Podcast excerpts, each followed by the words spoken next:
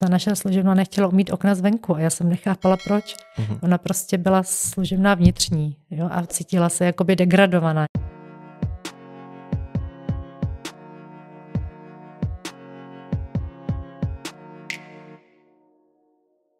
Dnešním hostem podcastu Světový je paní Marcela Millerová, autorka knihy Ve stínu duhy, která popisuje její život v Pákistánu. Vítám vás u nás podcastu.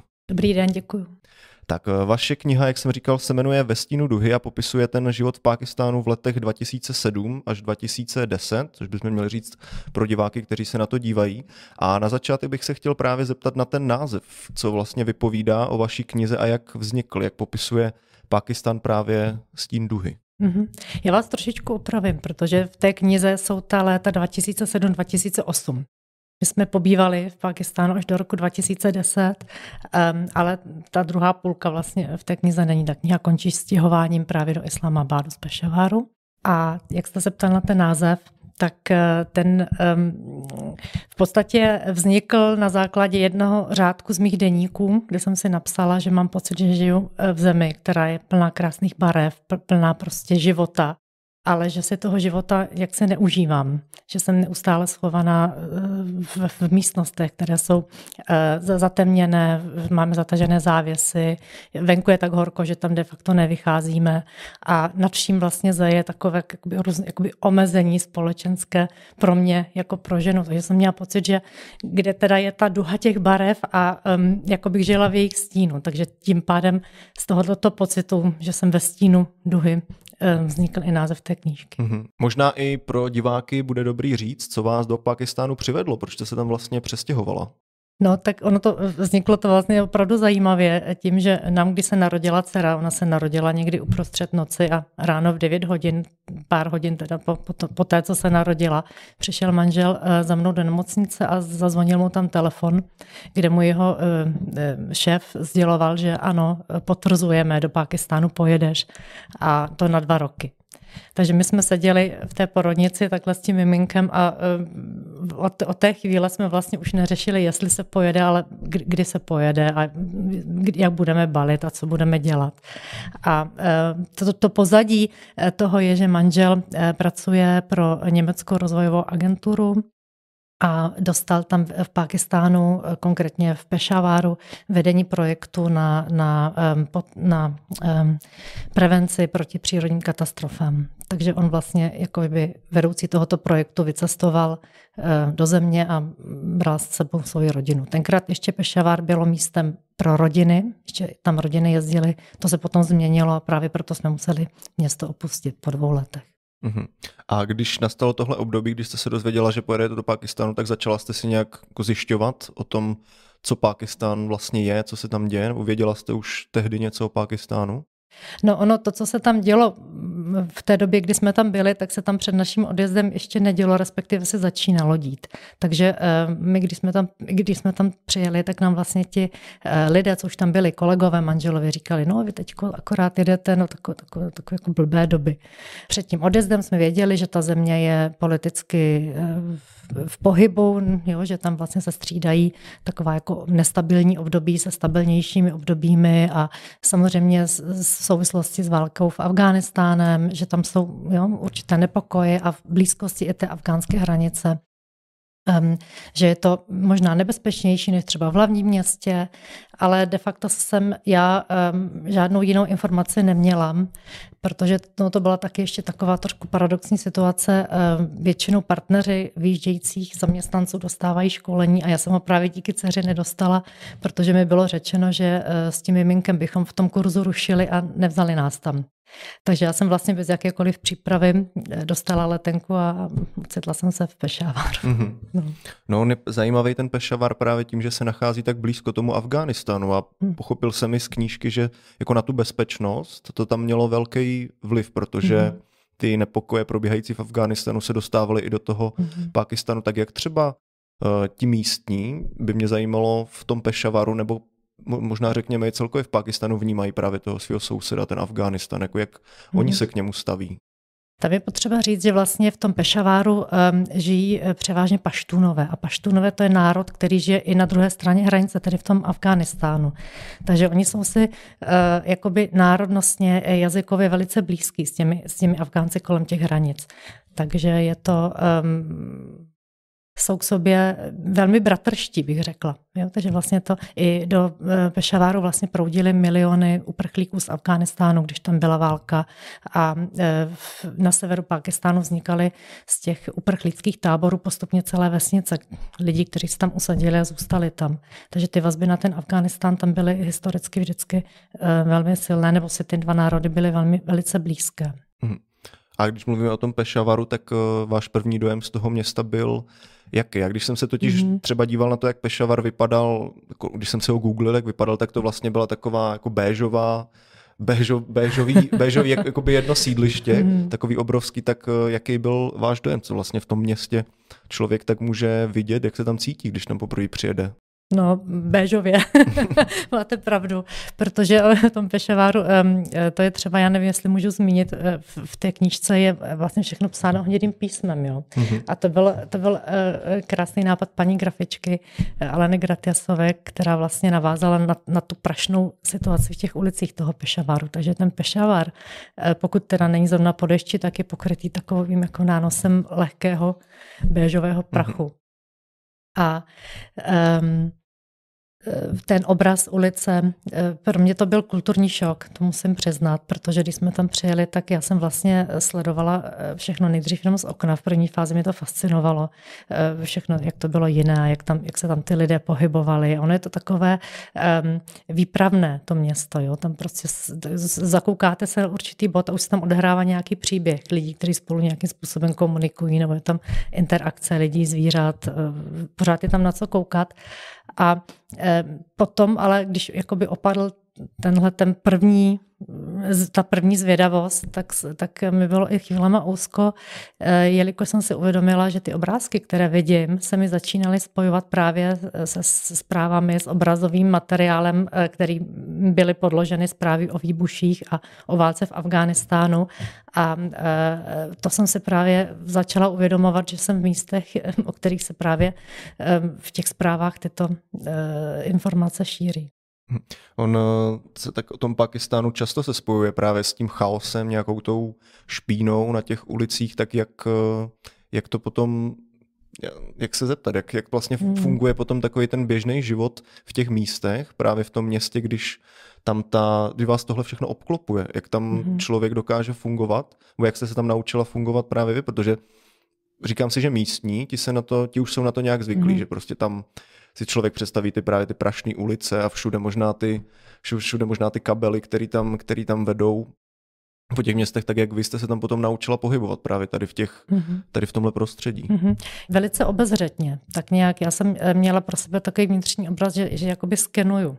Já jsem vždycky někam přišla a teď jsem si takhle jako naskenovala to okolí, eh, kde jsou díry v silnicích, kde je vlastně sjezd z hlavní silnice, tam je systém eh, několika proudé širokánské hlavní silnice a pak se sjíždí na takzvanou service road a ta vede k, potom k různým obchodům nebo i k odbočovacím místům do dalších ulic. A tohle vlastně člověk se nejdřív musí tak nějak v tom zorientovat, než, než, než eh, se tam naučí eh, pohybovat. Já jsem se to vždycky skenovala, kde kdo stojí, eh, co má v ruce, předst- i vlastně s takovým tím vnitřním, to vnitřní intuicí. Představuje ten člověk nějaké nebezpečí, nebo je to prostě trhovec. Pořád mm-hmm. jsem jako skenovala to okolí a to mi zůstalo i po návratu. Vím, že ještě několik měsíců jsem si říkala, ale už neskenuj, už si zase doma. Mm-hmm. Jo, takže já jsem vlastně tak jako si mapovala neustále to prostředí, kde, kde jsem a snažila jsem se, uh, no jak říkám, vyhodnotit tu situaci. Je právě zajímavé tohle vztáhnout i k tomu, k těm nějakým předsudkům, který mm-hmm. jste předtím měla i v knížce, píšete, že, nebo jak jste říkala i teď, že všichni vypadají jak ti teroristi z televize, mm-hmm. tak uh, jaký ty předsudky vaše byly takový nějaký nejvýznamnější, když jste tam přijela, spojený třeba i s touhle obezřetností mm-hmm. k těm mm-hmm. místním? Mm-hmm. Tak eh, předsudky, no. Já vlastně tím, že jsem o té zemi toho moc nevěděla, tak si nemyslím, že to byly přímo předsudky, že jsem tam měla spíš s takovou, jako eh, s takovým otevřením eh, nastavením mysli, ale potom, když jsem tam byla, tak to byl spíš ten šok, Jo, spíš než ty předsudky, které bych si přivezla, spíš to byla taková ta, ten náraz na tu realitu, kterou jsem si asi představovala trošku jinak. My jsme předtím byli v Latinské Americe a já jsem si říkala, no tak to bude zřejmě um, velmi podobné, akorát, že tam budou lidi jinak oblečení. A vlastně jsem se, ten rozdíl mi došel až mhm. na, tom, až na místě. Mě napadá, kolik Pákistanců si vlastně mohlo dovolit žít tak, jak jste žili vy, v řekněme nějaký rezidenční oblasti v tom Pešavaru. Po případě i vy můžete říct, kde to bylo. Mm-hmm. Tak to bylo eh, v University Town, to je vlastně část uh, Pešavaru, kde jsou tyhle ty větší domy a je to takové jako um, uh, lepší čtvrať. Um, adresu asi úplně říkat nebudu, ale eh, byl to, byla to vila. Bylo to prostě to, co u nás, eh, to, čemu u nás říkáme vila. Ta elita té společnosti, ti si žili velmi na vysoké noze a ty nůžky mezi chudými a bohatými tam byly mnohem rozevřenější, než je známe u nás tady z Evropy vůbec. Oni si potrpí pakistánci, eh, ti movitější, co si právě mohou dovolit takovéto domy postavit, tak si potrpí na takových stavebních prvcích, jako že tam jsou sloupky a, a různé arkády a terasy na střeše, takže to vlastně eh, je velice luxusní bydlení.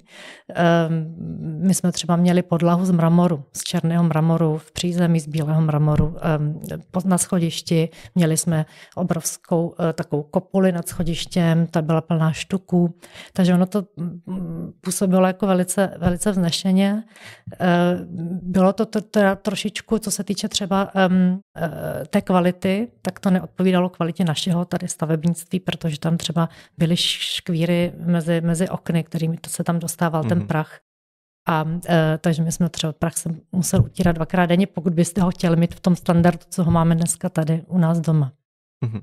No a vy jste se tam nastěhovali, měli jste tam i několik no, jako problémů s tím, který jste tam musela řešit s místníma, jak třeba kněz, kněze zmiňujete termity.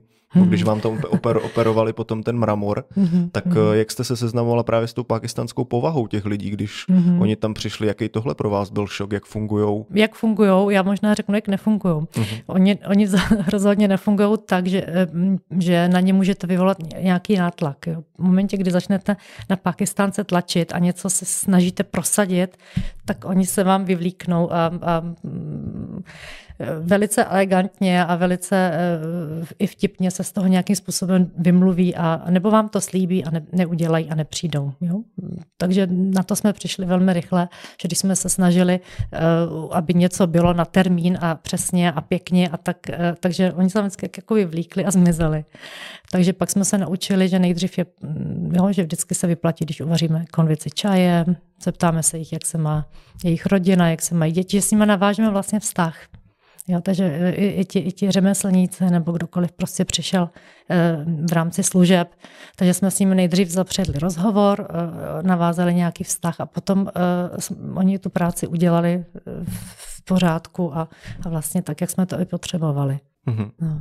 A tak co, co se týče a e, pohled vlastně místních na nás jako na cizince, tak e, vždycky je takový dvojaký. Nebo byl, já bych měla mluvit v minulosti, už to přece jenom pár let. Tak byl takový dvojaký. E, na jednu stranu e, my jsme pro ně byli e, pohádkově bohatí. Jo? Prostě lidi, kteří si můžou dovolit žít v těchto těch velkých domech a i zaměstnávat e, ostatní a e, jezdit v autě, a e, prostě to pro ně jsou eh, pohádkově bohatí lidi. Abych, možná bych to srovnala s nějakými milionáři, miliardáři spíš než milionáři. Mm-hmm. Takže my k nám zlíželi s takovou jako, s jako obdivem určitým, ale zároveň jsme přece jenom byli cizinci a byli jsme eh, vlastně křesťané, takže nevěřící z jejich eh, pohledu náboženského. Takže byly ty přístupy byly různé. Jo? Někdo prostě přišel velice um, otevřeně, s nějakým zájmem a někdo zase s takovou jako opatrností a eh, Společně to mělo snad jenom takovou určitou slušnost, že se k nám vždycky chovali velice slušně. Oni pakistánci, když měli někoho, kdo, je, eh, kdo získal statut hosta, tak uh, host do domu prostě, to je pro ně jako král do domu. Takže my, my kdykoliv, ať jsme se setkali s kýmkoliv, jo, by ten člověk byl sebe chudší a uh, tak řekl, ne, já vám, já vám tohle, tenhle ten čaj máte ode mě zadarmo, vy jste tady hosté. My jsme se nikdy nesetkali s otevřeným nepřátelstvím, nebo i když si umím představit, že někteří tak třeba smýšleli. Mm-hmm. On vlastně tohle už vychází tak z islámské kultury, kde mm-hmm. ten host je právě ten, mm-hmm. ten vítaný, ten, ten na tom prvním místě. Mm-hmm. A když jste zmínila i to, jak oni se k vám díval, na vás dívali na ty, jako na ty miliardáře, řekněme, tak setkala jste se právě i s nějakýma jejich předsudkama, kteří oni měli, nebo nějakýma představama, které byly milný o, ně, o, jako o lidech ze západu. Jestli něco mm-hmm. takového mm-hmm. se tam projevovalo. Um, tak rozhodně si uh, měli, měli různé názory. Uh, na, například, uh, když jste řekli, že jste z Německa, tak vysoké procento lidí uh, jako první řeklo, jo, to je super, odsud byl Hitler, že jo, to byl velký člověk, ten byl, ten je, toho obdivujeme.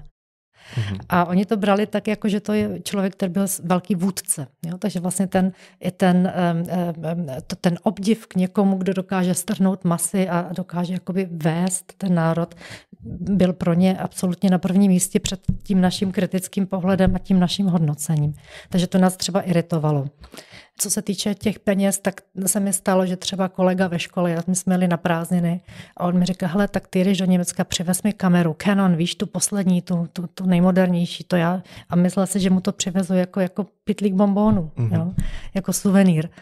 Takže vlastně eh, ne, ne, věděli, že jsme bohatí, ale nedokázali um, odhadnout, jak moc.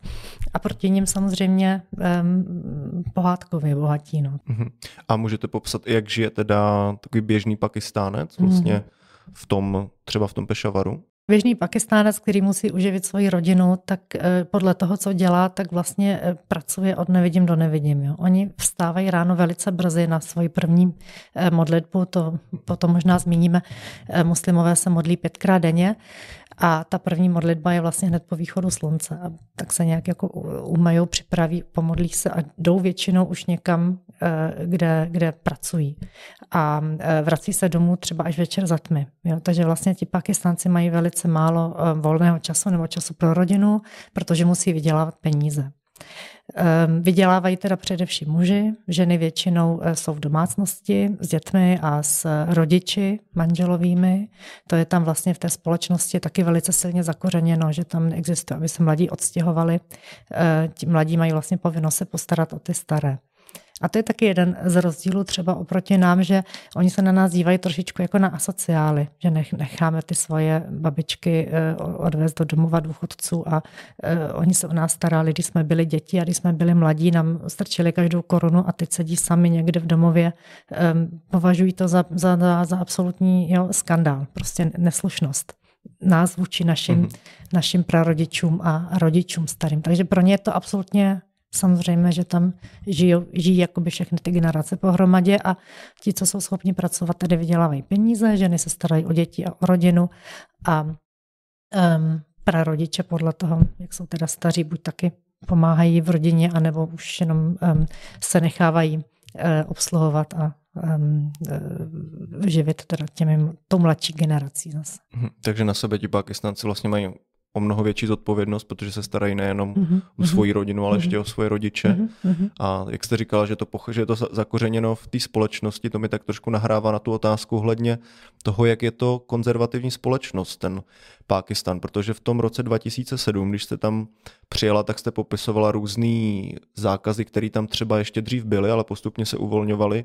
Třeba to, že ženy nesměly jezdit na kole, nevím, mm-hmm. jestli to bylo ještě, když jste tam byla, nebo možná mm, někdy předtím. Bylo. Mm-hmm. Potom jste tam taky popisovala to, že uh, mají zakázanou zábavu, třeba ti Pakistánci, mm-hmm. tak uh, co tohle znamená třeba, když mají zakázanou zábavu Pakistánci? Mm-hmm. Tak já jsem, pro mě, já jsem tam měla um, třeba jenom to, že poslouchat hudbu je neislamské, vám řeknu, jo. Takže já jsem měla takový zážitek, když jsem potom učila ve škole, tak jsem uh, učila děti dělat odrážky a říkám, jsem jim, napište mi třeba, aby, jako aby měli nějaké téma, které můžou popsat, napište mi, co byste si přáli um, dostat k narozeninám. A oni jak nevěděli, tak jsem jim začala radit a říkám, no tak třeba nějaké CDčko s hudbou a v tu chvíli okamžitě vystřelil chlapeček ruku a madam, poslouchat hudbu je neislámské. Hned mě jako usadil. Mm-hmm. Jo, takže to byly takovéto momenty. Um, ale i to se měnilo, jsem pochopila během um, vývoje Pakistánu, protože mi jeden řidič jednou vyprávěl, víte, teď je tady taková smutná nálada, eh, dřív jsme tady měli i hudbu v obchodech, seděli jsme na ulici a poslouchali jsme eh, hudbu, teď to tady není. Jo? A na druhou stranu, ale oni třeba eh, mají úžasnou kulturu, mají, mají nádhernou hudbu, ehm, eh, tradiční nástroje, to všechno, všechno tam je. Eh, nicméně podle toho, jak fundamentalistický výklad toho islámu zrovna jakoby ehm, je akceptován té společnosti, tak buď je to přijatelné nebo nepřijatelné to hudbu poslouchat. Mhm. A tahle situace třeba s tím islámem, ta se měnila i v, jako v průběhu toho vašeho pobytu tam? Mm-hmm. Jakože jaký, jaký mm-hmm. zrovna jako mm-hmm. proud toho islámu se ve společnosti jako uznává nebo převažuje? Neměnil se ten proud islámu, spíš se měnil uh, něco jako um, strach té společnosti uh, se proti uh, něčemu provinit, bych skoro řekla, jo, že um, ono to bylo, ten Pešavar byl v tenkrát v té um, severozápadní provincii, která se dneska jmenuje Khyber Paštunchua. A e, tam vlastně byly i e, kmeno, které spadaly i kmenové oblasti, kde ten fundamentalistický islám se rozmáhal v té době. Takže tam byly celé oblasti, které vláda de facto nekontrolovala, tam přebíral Taliban a Um, lidé, s kterými jsme se stýkali v, v Pešaváru, tak měli v těchto oblastech třeba příbuzné, takže oni se doslýchali jo, co se všechno nesmí a, a smí.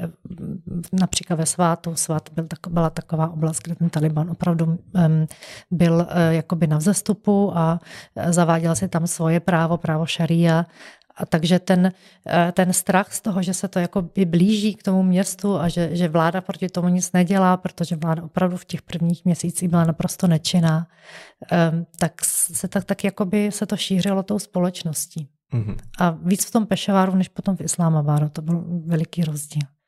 A tahle nečinnost té vlády, tak z čeho to pocházelo zrovna v to hmm. jako období? No, to je, to je dobrá otázka. To bych zřejmě se, se dostala už uh, až k uh, v válce v Afghánistánu, dostala bych se k boji proti terorismu po 11. září, kdy vlastně Vláda pakistánská, ten, tedy prezident Musharraf, slíbil um, Spojeným státům spojenectví v boji proti terorismu a uh, byl, dostal se tím ale do, takový, do takového jakéhosi sevření mezi tím Talibánem, a, který byl podporován vlastně i islámskými učenci a, a tou, tou islámskou zase elitou země a tím západem. A e, já si myslím, že on tak nějak se to snažil e, vyrovnávat, tyhle, ty, tyhle ty dva tlaky, takže e, přehlížel spoustu věcí právě v těch nových oblastech. A zároveň musel ale vykazovat jakousi činnost teda toho boje proti terorismu. Jo. Takže on v některých částech zasahovali a některé nechali jakoby svému životu. Mm-hmm. A dokonce se proslýchalo, že i um, tajné služby pakistánské o tom všem věděli a nezasahovalo se prostě v těch oblastech. Já si myslím, že to byla taková jakoby součást nějaké, nějakých nepsaných nebo tajných dohod, ale do toho nevidím, do toho bych nerada mhm, zasahovala. Jasně, rozumím. Eh, jak spíš mě zajímá, když jste takhle zeptáte vlastně takového řadového pakistánce, řekněme, eh, mus, obyčejného, obyčejného člověka muslima, a bavíte se s ním třeba o tom islámu, co to pro něj mm-hmm. znamená, tak um, jak on, to, jak on vnímá islám. Chápu, že zasahuje určitě do jeho života, zkrátka řídí se podle něj, ale v kontrastu třeba s tím, co chtějí ti fundamentalisti, to je třeba zavíst to právo šaria a tak, mm-hmm. tak mhm. jak uh, ten obyčejný pakistánec vnímá ten islám v mm-hmm. opozici tady k tomu mm-hmm. uh, fundamentalistickému proudu? Tak oni, uh, islám je pro ně především víra v Boha. A víra v Boha je ne- neotřesitelná. Jo, ta, ta víra v Boha, ty Pakistánce vlastně jak si, jak si drží. Takže to je pro ně něco, co je konstanta, co je absolutně ne, nedotknutelné. A uh, oni věří, že Bůh vlastně řídí jejich kroky. Um, I se to projevuje v jazyce, kdy oni třeba, když je něco, co se jim podařilo, nebo co je velmi pěkné, tak oni neřeknou jenom to se mi podařilo. Oni prostě řeknou, to se mi podařilo a pak přidají takové slovíčko mašala, jako e, z vůle boží, nebo jo, mm-hmm. Bůh to tomu tak chtěl.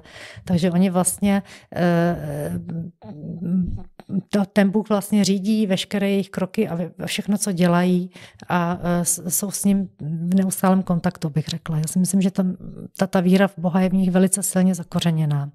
A ten zbytek záleží na tom, jaké mají vzdělání bych řekla, jo, protože jsou, eh, je určitý, eh, určitá část společnosti, které mají vzdělání především v madrasách a tam se samozřejmě učí eh, jiné věci než v těch světských školách nebo v těch školách soukromých, které se velice orientují na západním systému školství. Takže podle toho buď si vysvětlují některé věci ve svém životě prostě vědecky, anebo jako vůli boží. Jo, že třeba když um, ne, nemůžou mít děti, tak uh, někteří věří tomu, nebo nechají si udělat vyšetření a mají jakýsi jakousi informaci, proč tomu tak je, a druzí věří tomu, že, že je, uh, se nelíbilo Pánu Bohu něco v jejich životě a proto jim ty děti nechce dát. Hmm. Jo, takže vlastně i to, jak si vysvětlují tu skutečnost, um, souvisí s tím islámem a s tím, jakým způsobem ho mají zaintegrovaný um, do svého života. Hmm. Mně právě to přišlo vždycky zajímavý i ten, tenhle pohled, protože my možná nechápeme tady u nás v Evropě nebo konkrétně v Česku, že ten, to náboženství řídí ten jejich život. Oni zase nemusí, můžou nechápat to, že my nemáme náboženství, mm-hmm. že vlastně mm-hmm i kdyby jsme jim řekli například, že nevěříme v Boha, že věříme v to, že byl velký třest, tak oni můžou říct, jako, že, to, že je to nějaký podivný náboženství, mm-hmm. to, co my tady máme. Mm-hmm. A zajímá mě, nebo taky si říkám, jestli u nich se dá u Pakistanců vlastně hovořit o něčem jako vlastní vůli, teda nad, nad tím, když jen tak konají ve svém životě, jestli vždycky se potřebují opřít o to, co o něčem říká islám, nebo jestli mm-hmm, mají mm-hmm, i nějakou mm-hmm, vlastní vůli, jestli mm-hmm. jste něco takového postřehla, mm-hmm. jak oni se k tomuhle staví. Mm-hmm. Oni mají eh, vlastní vůli mají tam, kde mají jistotu, jo, že mm-hmm. jako vykonají správně, eh, nebo k obrazu božímu správně, jo, v porovnání s tím, co se naučili, že je správně, a kde mají nějakou nejistotu, tak se chodí i třeba radit do mešity jo, že přijdou a, a potřebují se poradit. Um, u nás bychom třeba šli, já nevím, k psychologovi nebo jo, ke koučce nějaké a, a oni jdou prostě do Mešity k Mulovi a zeptají se ho na mám, mám to na ten problém, eh, potřebu a on jim prostě dá to rozhřešení nebo to, eh, to řešení jim nabídne a oni potom přijdou a řeknou, ano, je to správně, islám to nezakazuje, můžeme to provést, udělat. Um, takže je to velká autorita, jsou právě ti duchovní, kteří jim uh, ukazují směr a cestu uh, tím islámským životem. Mm-hmm. Co mm-hmm. kouči toho osobního rozvoje, no, jak jste ano, říkala. No, no. Vlastně pro ně to je Zajímavý i z toho hlediska, jak jsme se na začátku bavili o tom, že na vás se dívali jako na tu nevěřící, vlastně na tu křesťanku i přesto, ale když jste byla, hmm. nebo můžete k tomu dodat? No já jsem se eh, právě, na mě se nedíval jako nevěřící, eh, ale jako na křesťanku.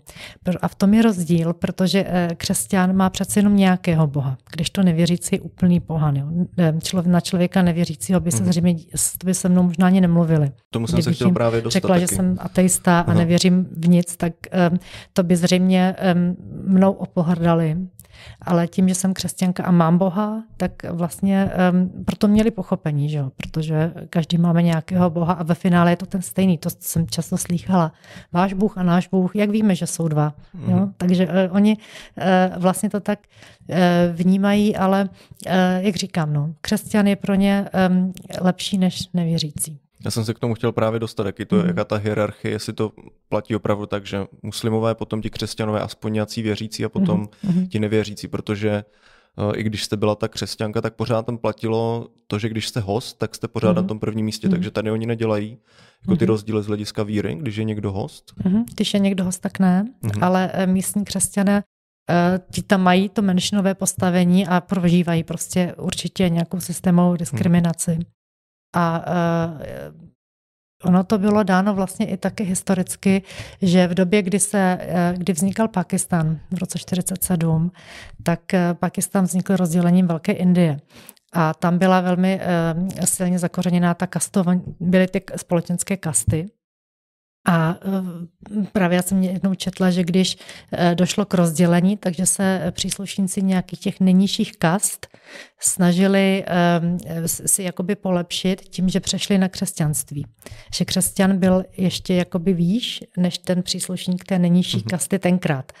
Takže, no a samozřejmě se to v té společnosti vědělo nebo ví do dneška, takže oni na ty křesťany pohlíží neustále jako na takovou nižší, nižší kastu. Mm-hmm.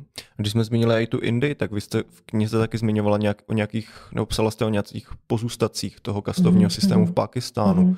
Tak uh, jaký ty pozůstatky to můžou být? Mm-hmm.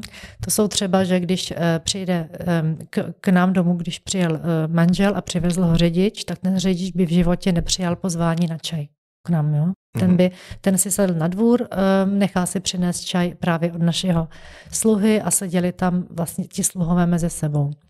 A kdybychom ho pozvali, my jsme ho samozřejmě zvali, protože jsme to jednak nevěděli, přišlo nám to slušný, ale pro ně jim by to přišlo absolutně neslušný, kdyby to pozvání přijali.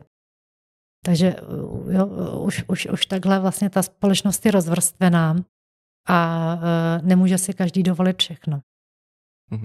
Mhm. A mm-hmm. taky, taky jste tam právě zmiňovala i tu hierarchii třeba ve vašem služebnictvu, mm-hmm. jakože jeden mm-hmm. člověk mm-hmm. ze služebnictva nechtěl umývat koupelnu mm-hmm. nebo nechtěl umývat záchod, mm-hmm. protože je na to ještě nějaký další mm-hmm. služební, tak mě mm-hmm. překvapila i tahle hierarchie mm-hmm. třeba mezi tím Bylo, no. Oni byli služeb, služební, byli jakoby vnitřní a venkovní, mm-hmm. že třeba, eh, to tam jsem taky někde píšu, eh, že ta naše služebna nechtěla umít okna zvenku a já jsem nechápala proč. Mm-hmm. Ona prostě byla služebná vnitřní jo, a cítila se jakoby degradovaná. Já jsem, samozřejmě potom jsme to nějak se dohodli a ona to dělala všechno a ale než jsme k tomu došli, a já jsem to pochopila až zpětně po roce, když pak přišel právě tenhle ten další sluha, který nechtěl umývat záchod, tak mi to někdo vysvětlil, že tam ta hierarchie určitá je. Mm-hmm. Tak no, a hodně si na to potrpí. Jo, že možná i to je, možná i proto vždycky, když se s někým setkáte, tak nejdřív se vás zeptá, odkud pocházíte, jak se jmenujete, co děláte,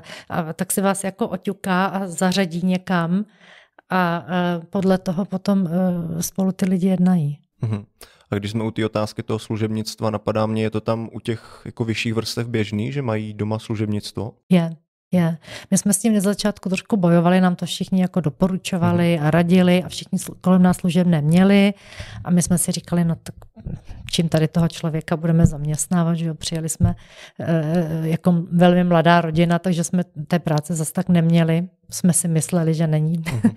a e, pak jsme ale pochopili, že my jim vlastně dáváme práci, uh-huh. jo, mhm. že ty lidi živíme a že e, za to, že jim dáme určitou, e, určitou část naši, našich peněz, tak e, živíme jejich celou rodinu. Mm-hmm. Jo, takže jsme vlastně potom uh, měli služebníky, měli jsme nejdřív teda dva, tu uh, slečnu a toho Munavara, o kterých je řeč v knize, a potom jsme měli čtyři na konci v Islamabádu. Ehm, ehm, no, prostě lidi, kteří s náma žili a pomáhali nám. A to musím přiznat, že často jsme jim i práci museli vymýšlet, aby nějakou vykazovali, ale my jsme to potom opravdu brali tak eh, jako to dělení se s těmi chudými, mm-hmm. což je taky i v islámu zakořeněno. Takže já si myslím, že i, i, i to, eh, že ti bohatší ty služebné mají a um, často jich mají víc, než si myslím, že by potřebovali, že i dáno tím letím určitým, že to má určitou takovou jakoby sociální uh, funkci v té společnosti. Mm-hmm. Je mm-hmm. pravda, že tu práci, že jsou asi rádi, že ji mají právě, mm-hmm. že je to taková mm-hmm. Možná lepší práce, než někde mm-hmm. pracovat v tolika tom prachu, třeba v tom městě, mm-hmm. tak dále, takže z tohohle hlediska určitě rozumím. A chtěl bych ještě nezapomenout na tu Indii, když jsme se o ní bavili, mm-hmm. protože já sám třeba nevím, jaký Pakistánci mají vztah k Indii, jestli ji berou jako svého blízkého, protože mm-hmm. přece jenom etnicky mají k sobě, mají k sobě blízko, mhm. řekněme, mm-hmm. tak uh, zažila jste tam to, jak se Pakistánci jako staví ke mhm. svým mm. sousedům tady v Indii? Mm-hmm. No Indie je vlastně jakoby hlavní nepřítel. Jo? Oni mm. Pakistánci jsou velmi hrdí na to, že jsou islámská republika a že si to vydobili. Tam, ten, tam to dělení bylo bohužel tak krvavé a tak uh, traumatizující, že si myslím, že to, to tam je dodnes a že nemají uh, zpracovanou tu minulost. Právě ten okamžik toho dělení nebo vzniku samostatného Pákistánu. A navíc ještě z Indii dodnes nejsou vyřešené hranice. Tam vlastně v oblasti Kašmíru, mm-hmm. i když se podíváte na mapu, tam není čára hraniční, tam jsou tečky, protože ta demarkační linie se vlastně neustále nějakým způsobem pohybuje. Ehm, myslím si, že teď jsou tam taky aktuálně byly nějaké nepokoje nebo boje. Ten, ta válka o tu hranici Kašmíru se jako vždycky vzplane, pak se to trošičku zmírní a zase to vzplane. Je to neustále živé, živé místo, živé téma. A my jsme to zažili eh, na vlastní kůži, protože jsme si v Láhově a absolutně naivně mysleli, že když už jsme teda v Pakistánu, tak do Indie je to jenom skok, že si tam uděláme dovolenou a eh, manžel šel naivně zažádat na ambasádu indickou o víza. Samozřejmě jsme nedostali a naopak eh, eh, se na nás chodili ptát prostě potom tajná policie. Jsme se od lidí dovídali, že se ptají mm-hmm. u manžela v kanceláři, že se ptají na mě. A tím, že on se jmenuje Miller a já Millerová, tak pro ně to byly dvě různá jména mm-hmm. a nevěděli, jak si nás mají spojit. Věděli přesně, kde jsme se pohybovali i po zemi, v Pakistánu teda, kde jsme si koupili letenku do jiného města. Prostě měli neskutečné informace. Takže a vyvolala to právě ta návštěva té indické ambasády, že si na nás dávali pozor. Mm-hmm. Mm-hmm. Takže jste byli jako špioni pro ně potenciální. Mm-hmm. Potenciálně asi zřejmě, no. Mm-hmm. No, zajímavý, že takhle se vlastně mhm. člověk do té mhm. Indie, mm-hmm. Indie nedostane a že ty vztahy jsou takhle vyostřený, mm-hmm. protože mhm. jako vím, viděl jsem možná nějaký videa o tom, že občas se Indie a Pakistán na hranici se tam konají nějaké slavnosti, mm-hmm. kde tam mm-hmm. se konají nějaké přehlídky stráží, tak jsem si říkal, že třeba se ty vztahy mm-hmm. jako nějak snaží narovnat, ale právě to Jammu a Kašmír vím, že asi bude dlouho ještě mm-hmm jako tím územím těch sporů mm-hmm. mezi těma mm-hmm. dvěma Určitě. zeměma. Ta hranice je zajímavá, my jsme tam byli mm-hmm. a tam, uh, tam vlastně, jak říkáte, to je takový ceremoniál, kdy se ta hranice jednou za den otevře, oni tam na sebe dělají tak jako různé posunky a tak se tam mm-hmm. jako hrozí symbolicky a, a ráno uh, zdvíhají vlajky a večer ty vlajky zase stahují a uh, vlastně dvakrát denně tu hranici symbolicky otevřou a zavřou. A tam je atmosféra jak na fotbalovém hřišti. Tam jsou takové tribuny a na pakistánské straně sedí Pakistánci, na indické Indové a Pakistánci e, e, prostě skandují Pakistán Zindabad, což znamená, ať je Pakistán mm-hmm. a ti na indické zase Hindustán Zindabad a, a překřikují se tam. Takže je to vlastně takový jako, takový jako malý mocenský boj e, v rámci této ceremonie. No nicméně potom ta hranice se zavře a tam jsou tam udělána, je tam uděláno také molo na obou stranách, které se eh, k sobě přibližuje a na konci je taková platforma, že, že se tam ty lidi přes ten plot, který tam je, ten je teda vysoký, no tak asi metr, si můžou i podat ruku. Mm-hmm. Jo, je, je tam teda policie na obou stranách, eh, eh, hlídkují to tam velice přísně, policie na koní, kdyby třeba někdo chtěl se rozběhnout a přeběhnout přes tu hranici ale eh, de facto eh, tam k těm Indům přijdete takhle, jak my spolu se teď bavíme, tak se s nimi můžete povídat přes tu hranici. A to mhm. dvakrát denně.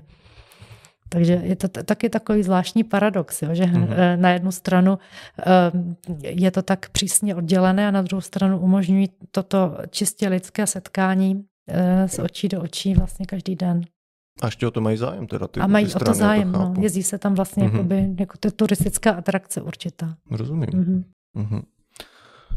Chtěl bych se teď zase vrátit ještě, tady koukám mám otázku k tomu islámu, jak jsme se o tom bavili a i ve spojitosti s tím služebnictvem. Mm-hmm. A jestli bylo něco z těch jejich nějakých zvyků, nejenom třeba islámských, ale tak různě pakistánských, který jste postupně nějak přijala i do svého života, který třeba jako na začátku byli proti srsti, ale postupně se nějak dostali do vašeho života? Když jsme byli tam, tak jsme slavili s nimi eh, svátky, ale že bych je přijala a přivezla si je, že bych, jo, do, bychom dodnes něco dodržovali, to asi ne. Ale eh, slavit ty svátky bylo nesmírně zajímavé. Jo, tam byly, oni mají vlastně eh, dva takové hlavní um, svátky. Je to uh, svátek konce Ramadánu a je to svátek obětování. A ty jsme tedy slavili a um, prožívali s těmi místními. V knize o tom vlastně mm-hmm. píšete, že mm-hmm. to vaše služebnictvo z toho jako v, mm-hmm. při práci nebyly úplně fit, když mm-hmm. celý den mm-hmm. nejedli a nepili, klidně můžete o tom ramadánu popovídat, o tom mm-hmm. průběhu z vašeho mm-hmm. pohledu. Mm-hmm. No, tak vlastně eh, ramadán byl přísný půst, eh, eh, tedy aspoň během dne od východu slunce do jeho západu nesměli věřící jíst a ani pít. Takže ti lidé byli opravdu zvláště v těch prvních týdnech, než se jim zřejmě ten metabolismus nějakým způsobem pozměnil, eh, tak trpěli bolestí hlavy, byli podráždění, byli, eh, měli kruhy pod očima, byli prostě unavení, bylo to na nich vidět. A uh, i ten teda náš munavar, který byl, já jsem vždycky říkala, hyperaktivní, tak spíš tak posedal a, a polehával a neměl energii, neměl tu správnou energii. Velice hodně se modlil, více se modlili teda během ramadánu a my jsme Eh, se eh, snažili vyvarovat toho, abychom eh, těsně předtím, než dojde k porušení půstu, tedy před západem slunce, abychom se pohybovali po městě, protože tam právě se, se, tam se um, ucpali silnice lidmi, kteří spěchali domů uh, k rodině se najíst, nebo kteří se scházeli s přáteli na večeře a uh, byli právě unavení, podráždění, už se nemohli dočkat a teď se ucpávala ta doprava. Um, já jsem vždycky říkala s nadsázkou, my jsme nikdy neměli tak obouchaný auto, jak během ramadánu, mm-hmm. protože um, to, to, jsme zažili agresivitu, že prostě eh, vystoupili z aut a, a poprali se, což prostě bylo nepředstavitelné. Já se nemůžu představit, že se Pakistánci jen tak pro nic za nic poprali. A, a během toho ramadánu jsme to viděli relativně často. Takže jako opravdu eh, ten půst na ně působil a eh, co bylo hezké, byla, byly právě ty večeře, eh, tedy po tom denním přerušení. To byl každý večer. Eh, během toho měsíce jste mohli jít eh, do restaurací, které na to byly speciálně vyzdobené. Byly tam udělané nádherné rauty a byly to vlastně, byla, byla to část roku, kdy se ti lidé více setkávali než obvykle. Když nastal ten svátek Eid al-Fitr, který je koncem ramadánu, tak eh, eh, se všichni krásně oblékli, oblekli se nové šaty, eh, šli na hřbitov navštívit své zesnulé příbuzné, přinesli si sladkosti, nesli se sladkosti k sousedům, dávali se almužny chudým, děti dostávaly dárky. Byly to takové, skoro bych řekla, jako až Vánoce, jo? že oni se ty děti těšili, nebo když si rodiny chtěli pořídit něco většího, tak si to jakoby darovali k tomuhle tomu svátku tak eh, od rána chodili eh, přání, SMSky eh, s květnatými přáními, s modlitbami, jako no, asi jako u nás na Vánoce. Mm-hmm. Mm-hmm. Jakože už to vrcholí vlastně to mm-hmm. naše, mm-hmm. tady to období. Mm-hmm. Tady to období Tam No, tam, bylo, tam bylo zajímavé ještě to, že se vlastně nikdy předem nevědělo, kdy to bude. Hmm. Protože ten konec ramadánu závisí na postavení měsíce a až právě um, ti nejvyšší um, islámští duchovní spatří měsíc na obloze, tak vyhlásí teda tenhle ten svátek. No a ono to souvisí jednak s postavením měsíce vůbec a jednak s, um, s povětrnostními podmínkami. Takže třeba se vědělo, už to teď někde jako je, ale jestli to je dneska nebo zítra nebo pozítří, eh, vyčkávalo se a pak se vždycky hurá a dnes a teď a začneme slavit. Jo? Takže vlastně ten příchod toho ramadánu může být eh, podle, eh, podle počasí teda nepředvídatelný. Mm-hmm. Mm-hmm. Je to takový, to spe, takový specifický období v tom roce, abych to chtěl právě překlopit do toho, jaký jsou Pákistánci úplně v tom normálním životě, mm-hmm. co jsou takové věci, mm-hmm. o, o kterých si s ním popovídáte, jako s takovým mm-hmm. obyčejným Pakistáncem, mm-hmm. na co oni myslí, o čem tak uvažují, jak se dívají mm-hmm. na svůj život. Jsou takový běžný témata mm-hmm. ve společnosti v Pakistánu. Mm-hmm. Vlastně velice podobný jako u nás. Jo? Ti Pakistánci většinou se snaží, jak zaopatřím svoji rodinu, jak, co, co uděláme všechno pro děti, aby to měli jednou v životě jednodušší, než to máme my. Um, jakým způsobem zajistíme dětem dobrou školu, kde na to vezmeme peníze, takové prostě běžné existenční starosti, které my tady máme, možná trošičku jakoby v jiném v jejich kontextu. V jiném kontextu, ale prostě ty starosti byly všechny stejné. Jo? Všichni vám de facto řeknou, že chtějí hlavně mír a klid a, a, a mají rádi ty svoje rodiny a, a mají e, velmi hezké vztahy mezi sebou. I třeba my jako s těmi sousedy nebo s, právě s místními e, jsme velmi hezky vycházeli, takže jako ta témata byla velice podobná. A právě proto my jsme s nimi relativně brzy našli společnou řeč. Mm-hmm. Mm-hmm. A kdybyste to mohla zmínit právě z hlediska těch vztahů, tak, eh, nebo i navazování vztahu třeba mezi těmi sousedy, tak čeho oni si tak budou nejvíc cenit právě na tom vztahu mm-hmm. s vámi? Třeba konkrétně i s cizinkou, jak, mm-hmm. čeho oni si na tom mm-hmm. budou cenit nejvíc? Hm, tak asi, um, že si na ně uděláte čas, že se s nimi sednete a že se zeptáte, Jo, jak se máte, co, co rodina, jste všichni zdraví a co je nového. A pak oni se ptají zase vás, takže jako, že si najdete čas a že e, tak nějak jste, jako empaticky jste schopni jim naslouchat a reagujete na to mm, jako na, na běžnou konverzaci, e, a, protože jsou e, e, někteří cizinci reagují trošičku taky, no to teda máte starosti, jo, prostě tak jako trošku s opovržením mm-hmm. a to oni vycítí samozřejmě, jo. takže e, nesmíte se na ně nadřazovat, musíte prostě s nima jednat takhle jako z očí do očí a um, toho si myslím, že si cení nejvíc. Mm-hmm. Takovou mám jednu vtipnou historku. Um, my jsme dělali knedlíky. Měli jsme mhm. starou veku a já jsem udělala prostě klasicky naše uh, knedle um, k, k masu. A potom za mnou přišla maminka právě Monavara, našeho sluhy, který to vyprávěl a tam mi takhle tiskla ruce a řekla, toto je zlatá žena, ona je tak bohatá a nevyhodí starý chleba, ale prostě zužitkuje ho. Mm-hmm. Jo, takže vlastně i taková určitá skromnost nebo jak bych to řekla, jo, ne, nenaví, ne, ne, nesmíte, když jsme se na ně ne, ne, nepovyšovali nějakým způsobem, eh, ale jednali jsme s nimi jako se sobě rovnými, tak to vždycky jsme měli dveře otevřené. No. Mm, takže vlastně standardní přístup. Ke standardní přístup. Možná jsem tam hledal něco pakistánského, mm. takového typického. ono to bylo lidský. Ale Aha. o čem jste třeba v knize psala, byl smysl pro humor v Pakistanu, mm. že oni ho prý mají mm. velice specifický, mm. tak v čem mm. spočívá tohle? No oni se strašně, strašně rádi smějí a, a dělají si legraci a um, takovou já bych řekla, no když bych to srovnala u nás, tak eh, takový ten typ toho humoru Slovácko se sudí a nesudí, nebo jak, jak, jak to bylo. Eh, že, že uh, oni jsou schopni i jakoby navlít takovou nějakou boudu na někoho a pak se tomu, mm-hmm. pak se tomu smějí, mají z toho legraci. Takže um, v tomhle tom. Ještě k tomu vašemu, vašemu postavení jako cizinky, protože vy jste vlastně mluvila, že jste tam měla celní knížku jako pro, mm-hmm. pro sebe, jako pro cizinku, na kterou jste mohla získávat mm-hmm. i zboží, který normálně normální Pakistanec nesežene, což je třeba mm-hmm. alkohol, mm-hmm. tak eh, jak funguje tenhle celý proces ohledně toho získávání třeba těchto věcí na tu celní knížku. Mm-hmm. To bylo v Islamabadu v hlavním městě, byl, byl, byl takový jako obchod, kde se tyhle ty věci dali pořídit a přístup tam měli právě jenom lidé, kteří měli tuto knížku.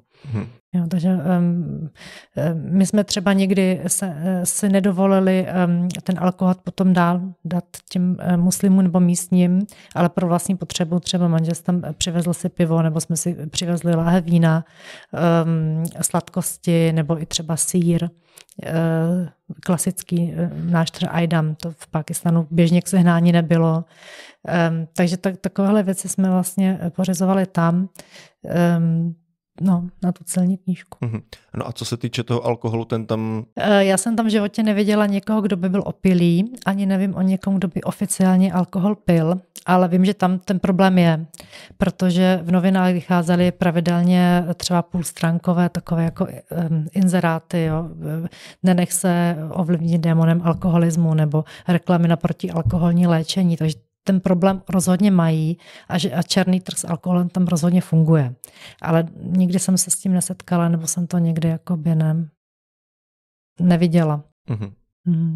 Co, tam, co, jsem, co jsme se setkali, tak byl um, člověk, který prodával hašiš, což je tam další taková vlastně jakoby zakázaná um, droga, nebo mm-hmm. to slova droga. A uh, ten, ten tam je rozšířenější a to jsme, to jsme viděli lidi, kteří prostě kouřili marihuánu nebo prostě i, si podávali si ty sáčky s bílým práškem pod rukou. Takže to by si myslím, že tam, že tam kvete taky velice.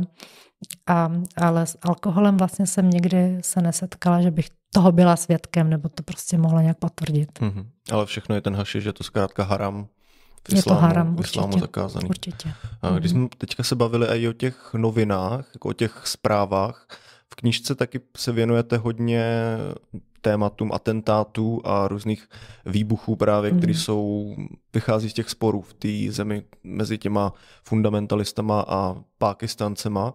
Eh, je tohle, jsou tyhle atentáty tak jako velkou součástí toho, co vidíte tam ve zprávách, protože v mhm. knižce se tam psala taky o tom, že někteří už na to jako nereagují, na to, že se tam tyhle dět, eh, věci dějou dost běžně, tak mě zajímá právě, jestli je to tam společenský téma ještě pořád, i přesto, jak často to, to tam děje v Pakistánu. Mm-hmm. Určitě to je společenské téma a záleží na tom, jak ten útok byl, byl velký. Když, eh, jak říkám, když třeba někde něco bouchlo a nikdo nebyl zraněn, tak se o tom třeba ani eh, tak se o tom napsal malý sloupek v novinách a to bylo všechno. Eh, pokud byli zranění a mrtví, tak se to dostalo třeba do místní mm, televizní, televizního vysílání a ty, ty, ty větší útoky, ty se potom třeba objevily i na Al Jazeera nebo prostě dalších stanicích. Jo. A, a vlastně jenom zlomek všech těch útoků se dostával sem do našich zpráv. Mm-hmm. My jsme to tenkrát dělali tak, že jsme vždycky, když se něco um, událo, což o čem jsme si mysleli, že už to bude, jo, že to třeba bylo na té Al Jazeera, tak jsme psali domů jenom takovou sms jako um, je neděle a uvařili jsme si polívku z ryby, aby prostě věděli, že, že, že jsme jako, že žijeme. My mm-hmm. jsme jim nepsali, byl tady výbuch, nebojte se, ale jenom aby měli o nás jakoby um, známku života, pokud by se něco doslechli, aby, aby věděli, jsme v pořádku. Mm-hmm. Takže co jsem pochopil, tak oni ty, tyhle události dokážou, nebo dokázali zatřást tím životem, právě třeba skrz zákaz vycházení mm-hmm. a tak. Mm-hmm. A já si vzpomínám vlastně na spor v Rudé Mešitě z roku 2007. Můžete říct, o co tam tehdy šlo? Um, v té rudé mešitě eh, se hlásal fundamentalistický islám a byl, bylo to vždycky tak trošku trnou v, trnem v oku um, vládě prezidenta Musharafa a um, ta mešita ale měla takovou určité autonomní postavení, že třeba když se psalo v novinách, že policie chtěla prohledat mešitu, tak se studenti se zbraní v ruce jim postavili a ne, vůbec je tam nevpustili. Mm-hmm. A to se přešlo a vlastně jakoby život šel dál. A e, duchovní z té mešity neustále vyvolávali e, výzvy k atentátu na prezidenta Musharafa a vlastně se to zesilovalo, to nepřátelství e, mezi tím, tím prezidentem a, a touhletou mešitou. A gradovalo to tak, že eh, právě někdy začátkem července došlo k potyčce mezi, mezi policií a studenty z té mešity a tam byli zranění eh, právě příslušníci pakistánské gardy a myslím, že tam byli i mrtví. A na to konto vlastně Musharraf poslal armádu, aby tu mešitu obklíčila, dal možnost studentům opustit tu, tu madrasu. Ehm, někteří asi zhruba tisícovka toho využila a zbytek v mešitě zůstal. Teď ehm, to bylo, byla, to, byla to obrovsky dramatická situace, přenášela to, přenášely to všechny televize téměř v přímém přenosu, eh, protože se nevědělo, kdo v mešitě je, jaké mají zbraně eh, a ukazovalo se čím dál víc, že z té mešity se stala taková eh, opravdu ozbrojená pevnost, kterou ti vojáci měli problém dobít, probíhaly tam boje asi 36 hodin mm. a bylo tam právě spousta prolité krve. Mně se podařilo tu mešitu jakoby vyčistit. Jo, takže to byl, byl takový velký, um, velký zlomový, um, velká zlomová událost a uh, právě ta, um, ta, ještě teď mě napadá ta poslední kapka té trpělivosti, která vlastně došla tomu Šerafovi, bylo, když uh, studentky z Mešety útočily na uh, Číňanky, které tam měly masážní salony nebo akupunkturu, jako na prostě činnost, která je haram. Mm-hmm. Takže to, že si dovolili zautočit i na příslušníky jiné národnosti, cizího státu, navíc Číny, s kterým má Pakistán velmi přátelské vztahy, i ekonomické vztahy velmi silné, tak um, vyvolalo to, že vlastně tedy prezident Musharraf se snažil to vyřešit prostě um, cestou síly a poslal tam armádu. Mě právě zajímá, jak tohle všechno dopadalo na ten Pešavar, i za, jako kromě třeba toho zákazu vycházení, jak to tam ti lidi vnímají, jestli to vnímají jako nějaký bezprostřední nebezpečí sami pro sebe, to, co se děje třeba v hlavním městě, tak jak mm-hmm. oni to mhm. vnímají tady na tom, mm, na tom severozápadě. Určitě bych spíš se přiklonila k tomu, že to vnímali jako bezprostřední nebezpečí, protože probíhaly neustále útoky, výbuchy e, různě, potom i během voleb mm, byly útoky na volební místnosti, takže vlastně ten, ten, ten boj e, mocenský mezi jednotlivými stranami a mezi vlastně i tím i Talibánem a, a těmi vládními kruhy, ten probíhal po celou tu volební kampaň. Boje, boje politických stran byly e, na denním pořádku. Ono to pak vrcholilo ještě v roce 2008 bombovým útokem na hotel Marriott, mm-hmm. kdy mm-hmm. taky zemřelo mm-hmm. spousta lidí, včetně českého velvyslance, mm-hmm. co vím. Takže chápu, že tohle tam jako na tom denním pořádku, když se to vyskytuje, tak mě zajímá, jak jste si přesto tam užívala ten život vlastně v Pakistánu, když to, eh, když to vztáhnu na vás. I o tom, co čem jsme se bavili ještě před, než jsme začali natáčet, že vlastně v knize na začátku jste z toho byla taková spíš nešťastná mm-hmm. z toho mhm. kulturního šoku, ale potom to pozvolně přešlo jako na to, že jste mm-hmm. si na ten život zvykla, začala v něm hledat i nějaký ty krásy, tak kdy to Mm-hmm. Na vás tak přišlo to, že jste si začala užívat ten život v Pakistánu mm-hmm. i přes všechny tyhle mhm. události. Mm-hmm. No, já nevím, jestli jsem si ho úplně um, začala užívat, ale asi jo. Asi. já jsem um, uh, rozhodně um, mě přešel takový ten taková ta nejistota nebo takový ten strach z toho, že, že se tam s tím každodenním životem neumím poprat. A ten mě přešel právě, když nám přišel Munavar, ten náš sluha, a když jsem si navázala první známosti s, s místními kdy jsme vlastně nebyli už závislí jenom na těch sousedech, kteří byli k nám od začátku velmi přátelští a příjemní, ale eh, když jsme třeba potom ušli na tržnici a, a poznával mě trhovec a už mi eh, dával do sáčku ty věci, které jsem si vždycky kupovala.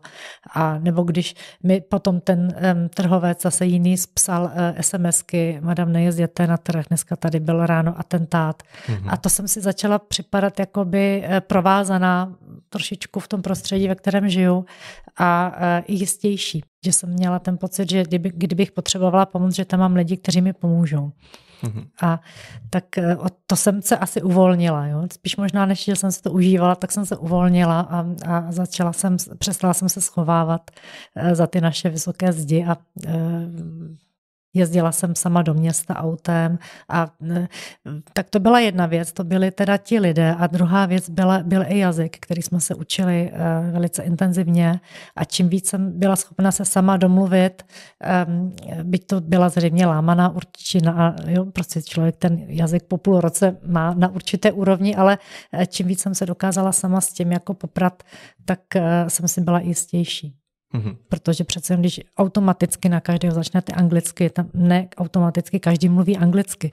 I když teda většina e, lidí, kteří rozhodně ti, co, jsou, e, co chodili do školy, tak anglicky mluvili, ale taky ne všichni. Takže pokud jste měl um, urdu nebo ještě lépe paštu, tak uh, vám to otvíralo dveře ta jazyková, takové jazykov, normalitě. Ta jazyková, mm-hmm. řekněme, bariéra nebo ta výbava, to je taky jako velký téma té integrace mm-hmm. cizince v Pakistánu určitě, mm-hmm. protože vím, že zmiňujete dokonce, že někde se mluví jako dohromady pěti jazyky, jako mm-hmm. v Pakistánu, tak oni jsou jako kompatibilní navzájem, třeba s tou určtinou, paštinou, jak oni to mají mm. pakistánci? No, e, nejsou.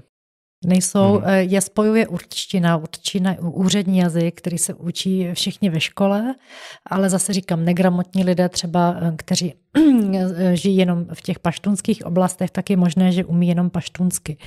A my jsme měli, právě Munavar nebyl paštún, Munavar pocházel z jihu Pákistánu a měli jsme takovou úsměvnou historku, kdy, on, kdy k nám přijel eh, řemeslník a přivezl písek a vysypal ho na nějaké úplně nemožné místo a já jsem říkala, prosím tě, mu navare, to jsem mu nemohl vysvětlit a on říkal, no já jsem mu to říkal, ale on byl paštún, on mi nerozuměl. Mm-hmm. Jo, takže oni mezi sebou se taky nedomluvili, když byli právě z, třeba z jihu nebo ze severu té mhm. země. Přemýšlím, jestli to je jako situace, kterou oni jako berou jako takovou samozřejmou, že si prostě nebudou rozumět dva obyvatele jedné země, mm-hmm. nebo jestli se i nějak mm-hmm. jako snaží dorozumět, nebo no, jestli to prostě nechávají Dorozumívají být. se asi rukama, nohama, pokud je na sebe narazí, mm-hmm. protože třeba Munavar mluvil třemi jazyky, ten mluvil um, anglicky, uh, urdu a hindku, což byl jeho uh, rodný jazyk, a tenhle ten člověk ale zase nebyl gramotný a mluvil jenom paštu. Takže najednou vlastně měli dohromady čtyři jazyky, ale mm-hmm. nemohli se domluvit. Mm-hmm. Mm-hmm. Potom nám dostupují další etnika, máme tady na stole mm-hmm. kalašskou čelenku, mm-hmm. což jsem pochopil, že Kalašové jsou právě skupinka, kterou se si tam oblíbila, oblíbila mm-hmm. v Pákistánu, tak uh, jak oni žijí tam na severu kolem toho města Čitral, mm-hmm. jak oni jsou, jaký oni mají postavení v tom Pákistánu vůbec, mm-hmm. tohle etnikum. Oni mají velmi eh, zvláštní postavení, jo? Že, že my když jsme tam se tam chystali jet, eh, oni žijí vlastně jenom ve třech údolích. Ve třech údolích v Hindukuši a eh, když jsme se tam chystali jet a bavili jsme se v Pešaváru s někým o, o těch kalaších, tak oni říkali, no to jsou, oni jsou vlastně fajn, ale věří v takové nějaké rostodivné bůžky, to jsou vlastně úplně, to nejsou pakistánci, to uvidíte, to je něco úplně jiného. Takže oni jsou, mají tam vlastně ta, ta svá tři údolí, tam ještě potřeba říct, že do těch údolí se jen tak eh, nikdo nedostane, tam se jede po hor, horských soutězkách, takových těch klasických, kdy jedete po vlastně um, kraji hory a nejste si jistý, jestli máte že všechny čtyři kola na silnici mm-hmm. nebo dvě už visí ve vzduchu a uh, přístup do těch údolí je možný jenom v létě, protože v zimě, když to zapadne sněhem, tam nejsou silnice, které by se vůbec daly nějak udržovat, takže se tam nikdo nedostane. A tím pádem oni žijí v určité izolaci od zbytku země a eh, jsou taky odkázáni na to, co se v těch údolích vypěstují a vyrobí to prostě s tím musí vyžít. Takže oni žijí velice takovým, eh, no, no prostě přírodním způsobem ještě. Oni eh, pěstují kukuřici na každém půl metru čtverečním. Mm-hmm. Ta kukuřice roste, sbírají ořechy, mají tam meruňky, pěstují meruňky a z těch ořechů, z meruněk, z kukuřice prostě eh, vyrábí veškeré své jídlo. Potom mají samozřejmě zvířata, chovají kozy, ovce v těch horách tak jak jim to ten kousíček té přírody v tom údolí mezi těmi skalistými horami dovolí. A z toho vlastně si vyrábí veškerá svoje jídla. Mají jo, různé, různé recepty, e, z kukuřice placky, k tomu maso, nebo, nebo právě z těch meruněk nejrůznější věci. Pálí z meruněk kořálku, pijí teda alkohol, tyhle ti kalašové a řídí se vůbec eh, no, eh, koloběhem teda roku. Eh, a co se týče náboženství, tak nejsou muslimové, ale jsou vlastně animisté. Oni mají opravdu takový, takový jako celý systém bohů kterým věří, a kterým obětují a které teda prosí o to, aby, aby jim pomohli. Při tom jejich každodenním boji o přežití a e, tomu taky věnují veškerý svůj čas. Jo, že mhm. vlastně ti lidé, my jsme tam, když jsme tam byli, tak jsme je pozorovali, všichni byli de facto zaměstnaní tím e, vyrobit si nějaké zásoby na zimu, vypěstovat si, navařit si, zavařit si, e, byli neustále zaměstnaní tím, že vlastně se museli, se museli zabezpečit. Mm-hmm mají taky svoje svátky, eh, jsou, jsou velmi družní, eh, během těch svátků slaví, tančí, mm, mají, měli, mají tam eh, určitou roli, to, něco jako šamana, vlastně člověka, který zprostředkovává taky jejich kontakt k tomu božstvu během těch svátků. Mají svůj vlastní rituál pohřbívání, který spočívá v, v, vlastně v otevřených hrobech. Eh, že vynesou, vynáší své mrtvé eh, do hor, do, do takových otevřených rakví. Um, takže to vlastně uh, nemá nic společného ani s křesťanstvím, ani s tím islámem a je to, je to veliký kontrast k tomu, co, co je o pár kilometrů dál už v tom Čitrálu, který samozřejmě je součástí Islámské republiky Pákistán. Mm-hmm. Jo, takže oni to mají takovou, já, já nechci říct to slovo rezervace, ale uh, možná to se to tomu trošičku blíží. Jo, že jsou tam tak jakoby v těch údolích um, trošku no, um, mě nenapadá žádné lepší slovo než zakonzervování. Takový, taky ne, takový, takový no, uchovávání, uchovávání, přesně tak, no, to mě no, to napadlo. Samozřejmě, že mají kontakty s západním světem a e, e, bohužel tam bylo i takové to, že turisté si odváželi nádherné jejich krásné vyřezávané i, i sochy a bůžky různé a předměty vyrobené právě z přírodních materiálů a vyměňovali to s nimi za plastové vařečky a, a trička s nápisem jo, a takže eh, to tam bohužel taky probíhá, jo, taková ta devastace té jejich kultury eh, tím, tím západním turismem. A um, nás tam, my jsme tam vlastně jeli taky jako turisté. Tam je v, v tom údolí Bumbore, kde my jsme byli, tam je dokonce státní hotel, a na letišti de facto vás vyzvedne řidič, který je muslim, eh, z Čitrálu odveze vás tam, vy zaplatíte poplatky eh, za vstup do toho údolí, takže je to vlastně taková určitá turistická atrakce. Mm-hmm. Mm-hmm. No, zaujalo mě to právě tím takovýmhle postavením, který mm-hmm. se vlastně vymyká úplně tomu zbytku mm-hmm. toho Pakistánu. Takže a i v, i v knize jako bylo vidět, že na vás to zapůsobilo jako tak mm-hmm. překvapivě a značením. Mm-hmm. A je to teda, jak jsme říkali, už od roku 2010, kdy jste se z Pakistánu vrátila a sledujete i dneska, co se děje v Pakistánu? No, spíš sporadicky. Mm-hmm. Jo, protože eh, no, opravdu sporadicky třeba eh, sledujeme, pokud se tam dějou nějaké přírodní katastrofy, tak to samozřejmě sledujeme. Eh, pokud se tam dějou významné politické převraty, tak to sledujeme. Loni tam byla, byl zase obrovský útok, kdy v jedné mešitě právě v té v té Khyber Paštunchva eh, zemřelo několik set lidí. A eh, to jsou vlastně takové momenty, teď třeba eh, zemřel prezident Musharraf, Jo, nebo i máme neustále, víme, kdy je ramadán, protože dostáváme třeba přáníčka ještě. Plánujete se vrátit někdy do Pákistánu? Eh, neplánujeme, ale přála bych si. Já, já mhm. vždycky říkám, já bych si přála projet Pakistán jako turistka. Prostě tak jako ehm, eh, bez jakéhokoliv strachu, bez obav. Prostě tam přiletět letadlem, sednout si tam do autobusu nebo do vlaku a eh, odjet tam někam prostě do do přírody, bydlet v nějakém hotelu, projít si to tam jako pro pěší turistka, jít tam na vandr do mhm. hor a, a nemuset řešit, eh, jestli sebou mám člověka s kalašníkovem, který mi chrání, a, a nebo jestli jo, mě taxikář náhodou neodveze někam, kam bych nechtěla mm-hmm. a tam mě neprodá talibáncům. Jo. To, to, to říkám s takovou jako pitomou nadsázkou, ale prostě projet si ten Pakistán eh, jako mírovou, klidnou zemi. To by, to by byl můj sen. Právě to by byla možná moje otázka na závěr, jako někdo, kdo tam žil právě nějakou, několik let, no pár let v Pakistánu, co byste nějak doporučila člověku, který by tam chtěl vycestovat, jako projet si Pakistán, na co by si třeba měl dát ten pozor, nebo co by tam stálo za to vidět? Myslíte jako um, památky?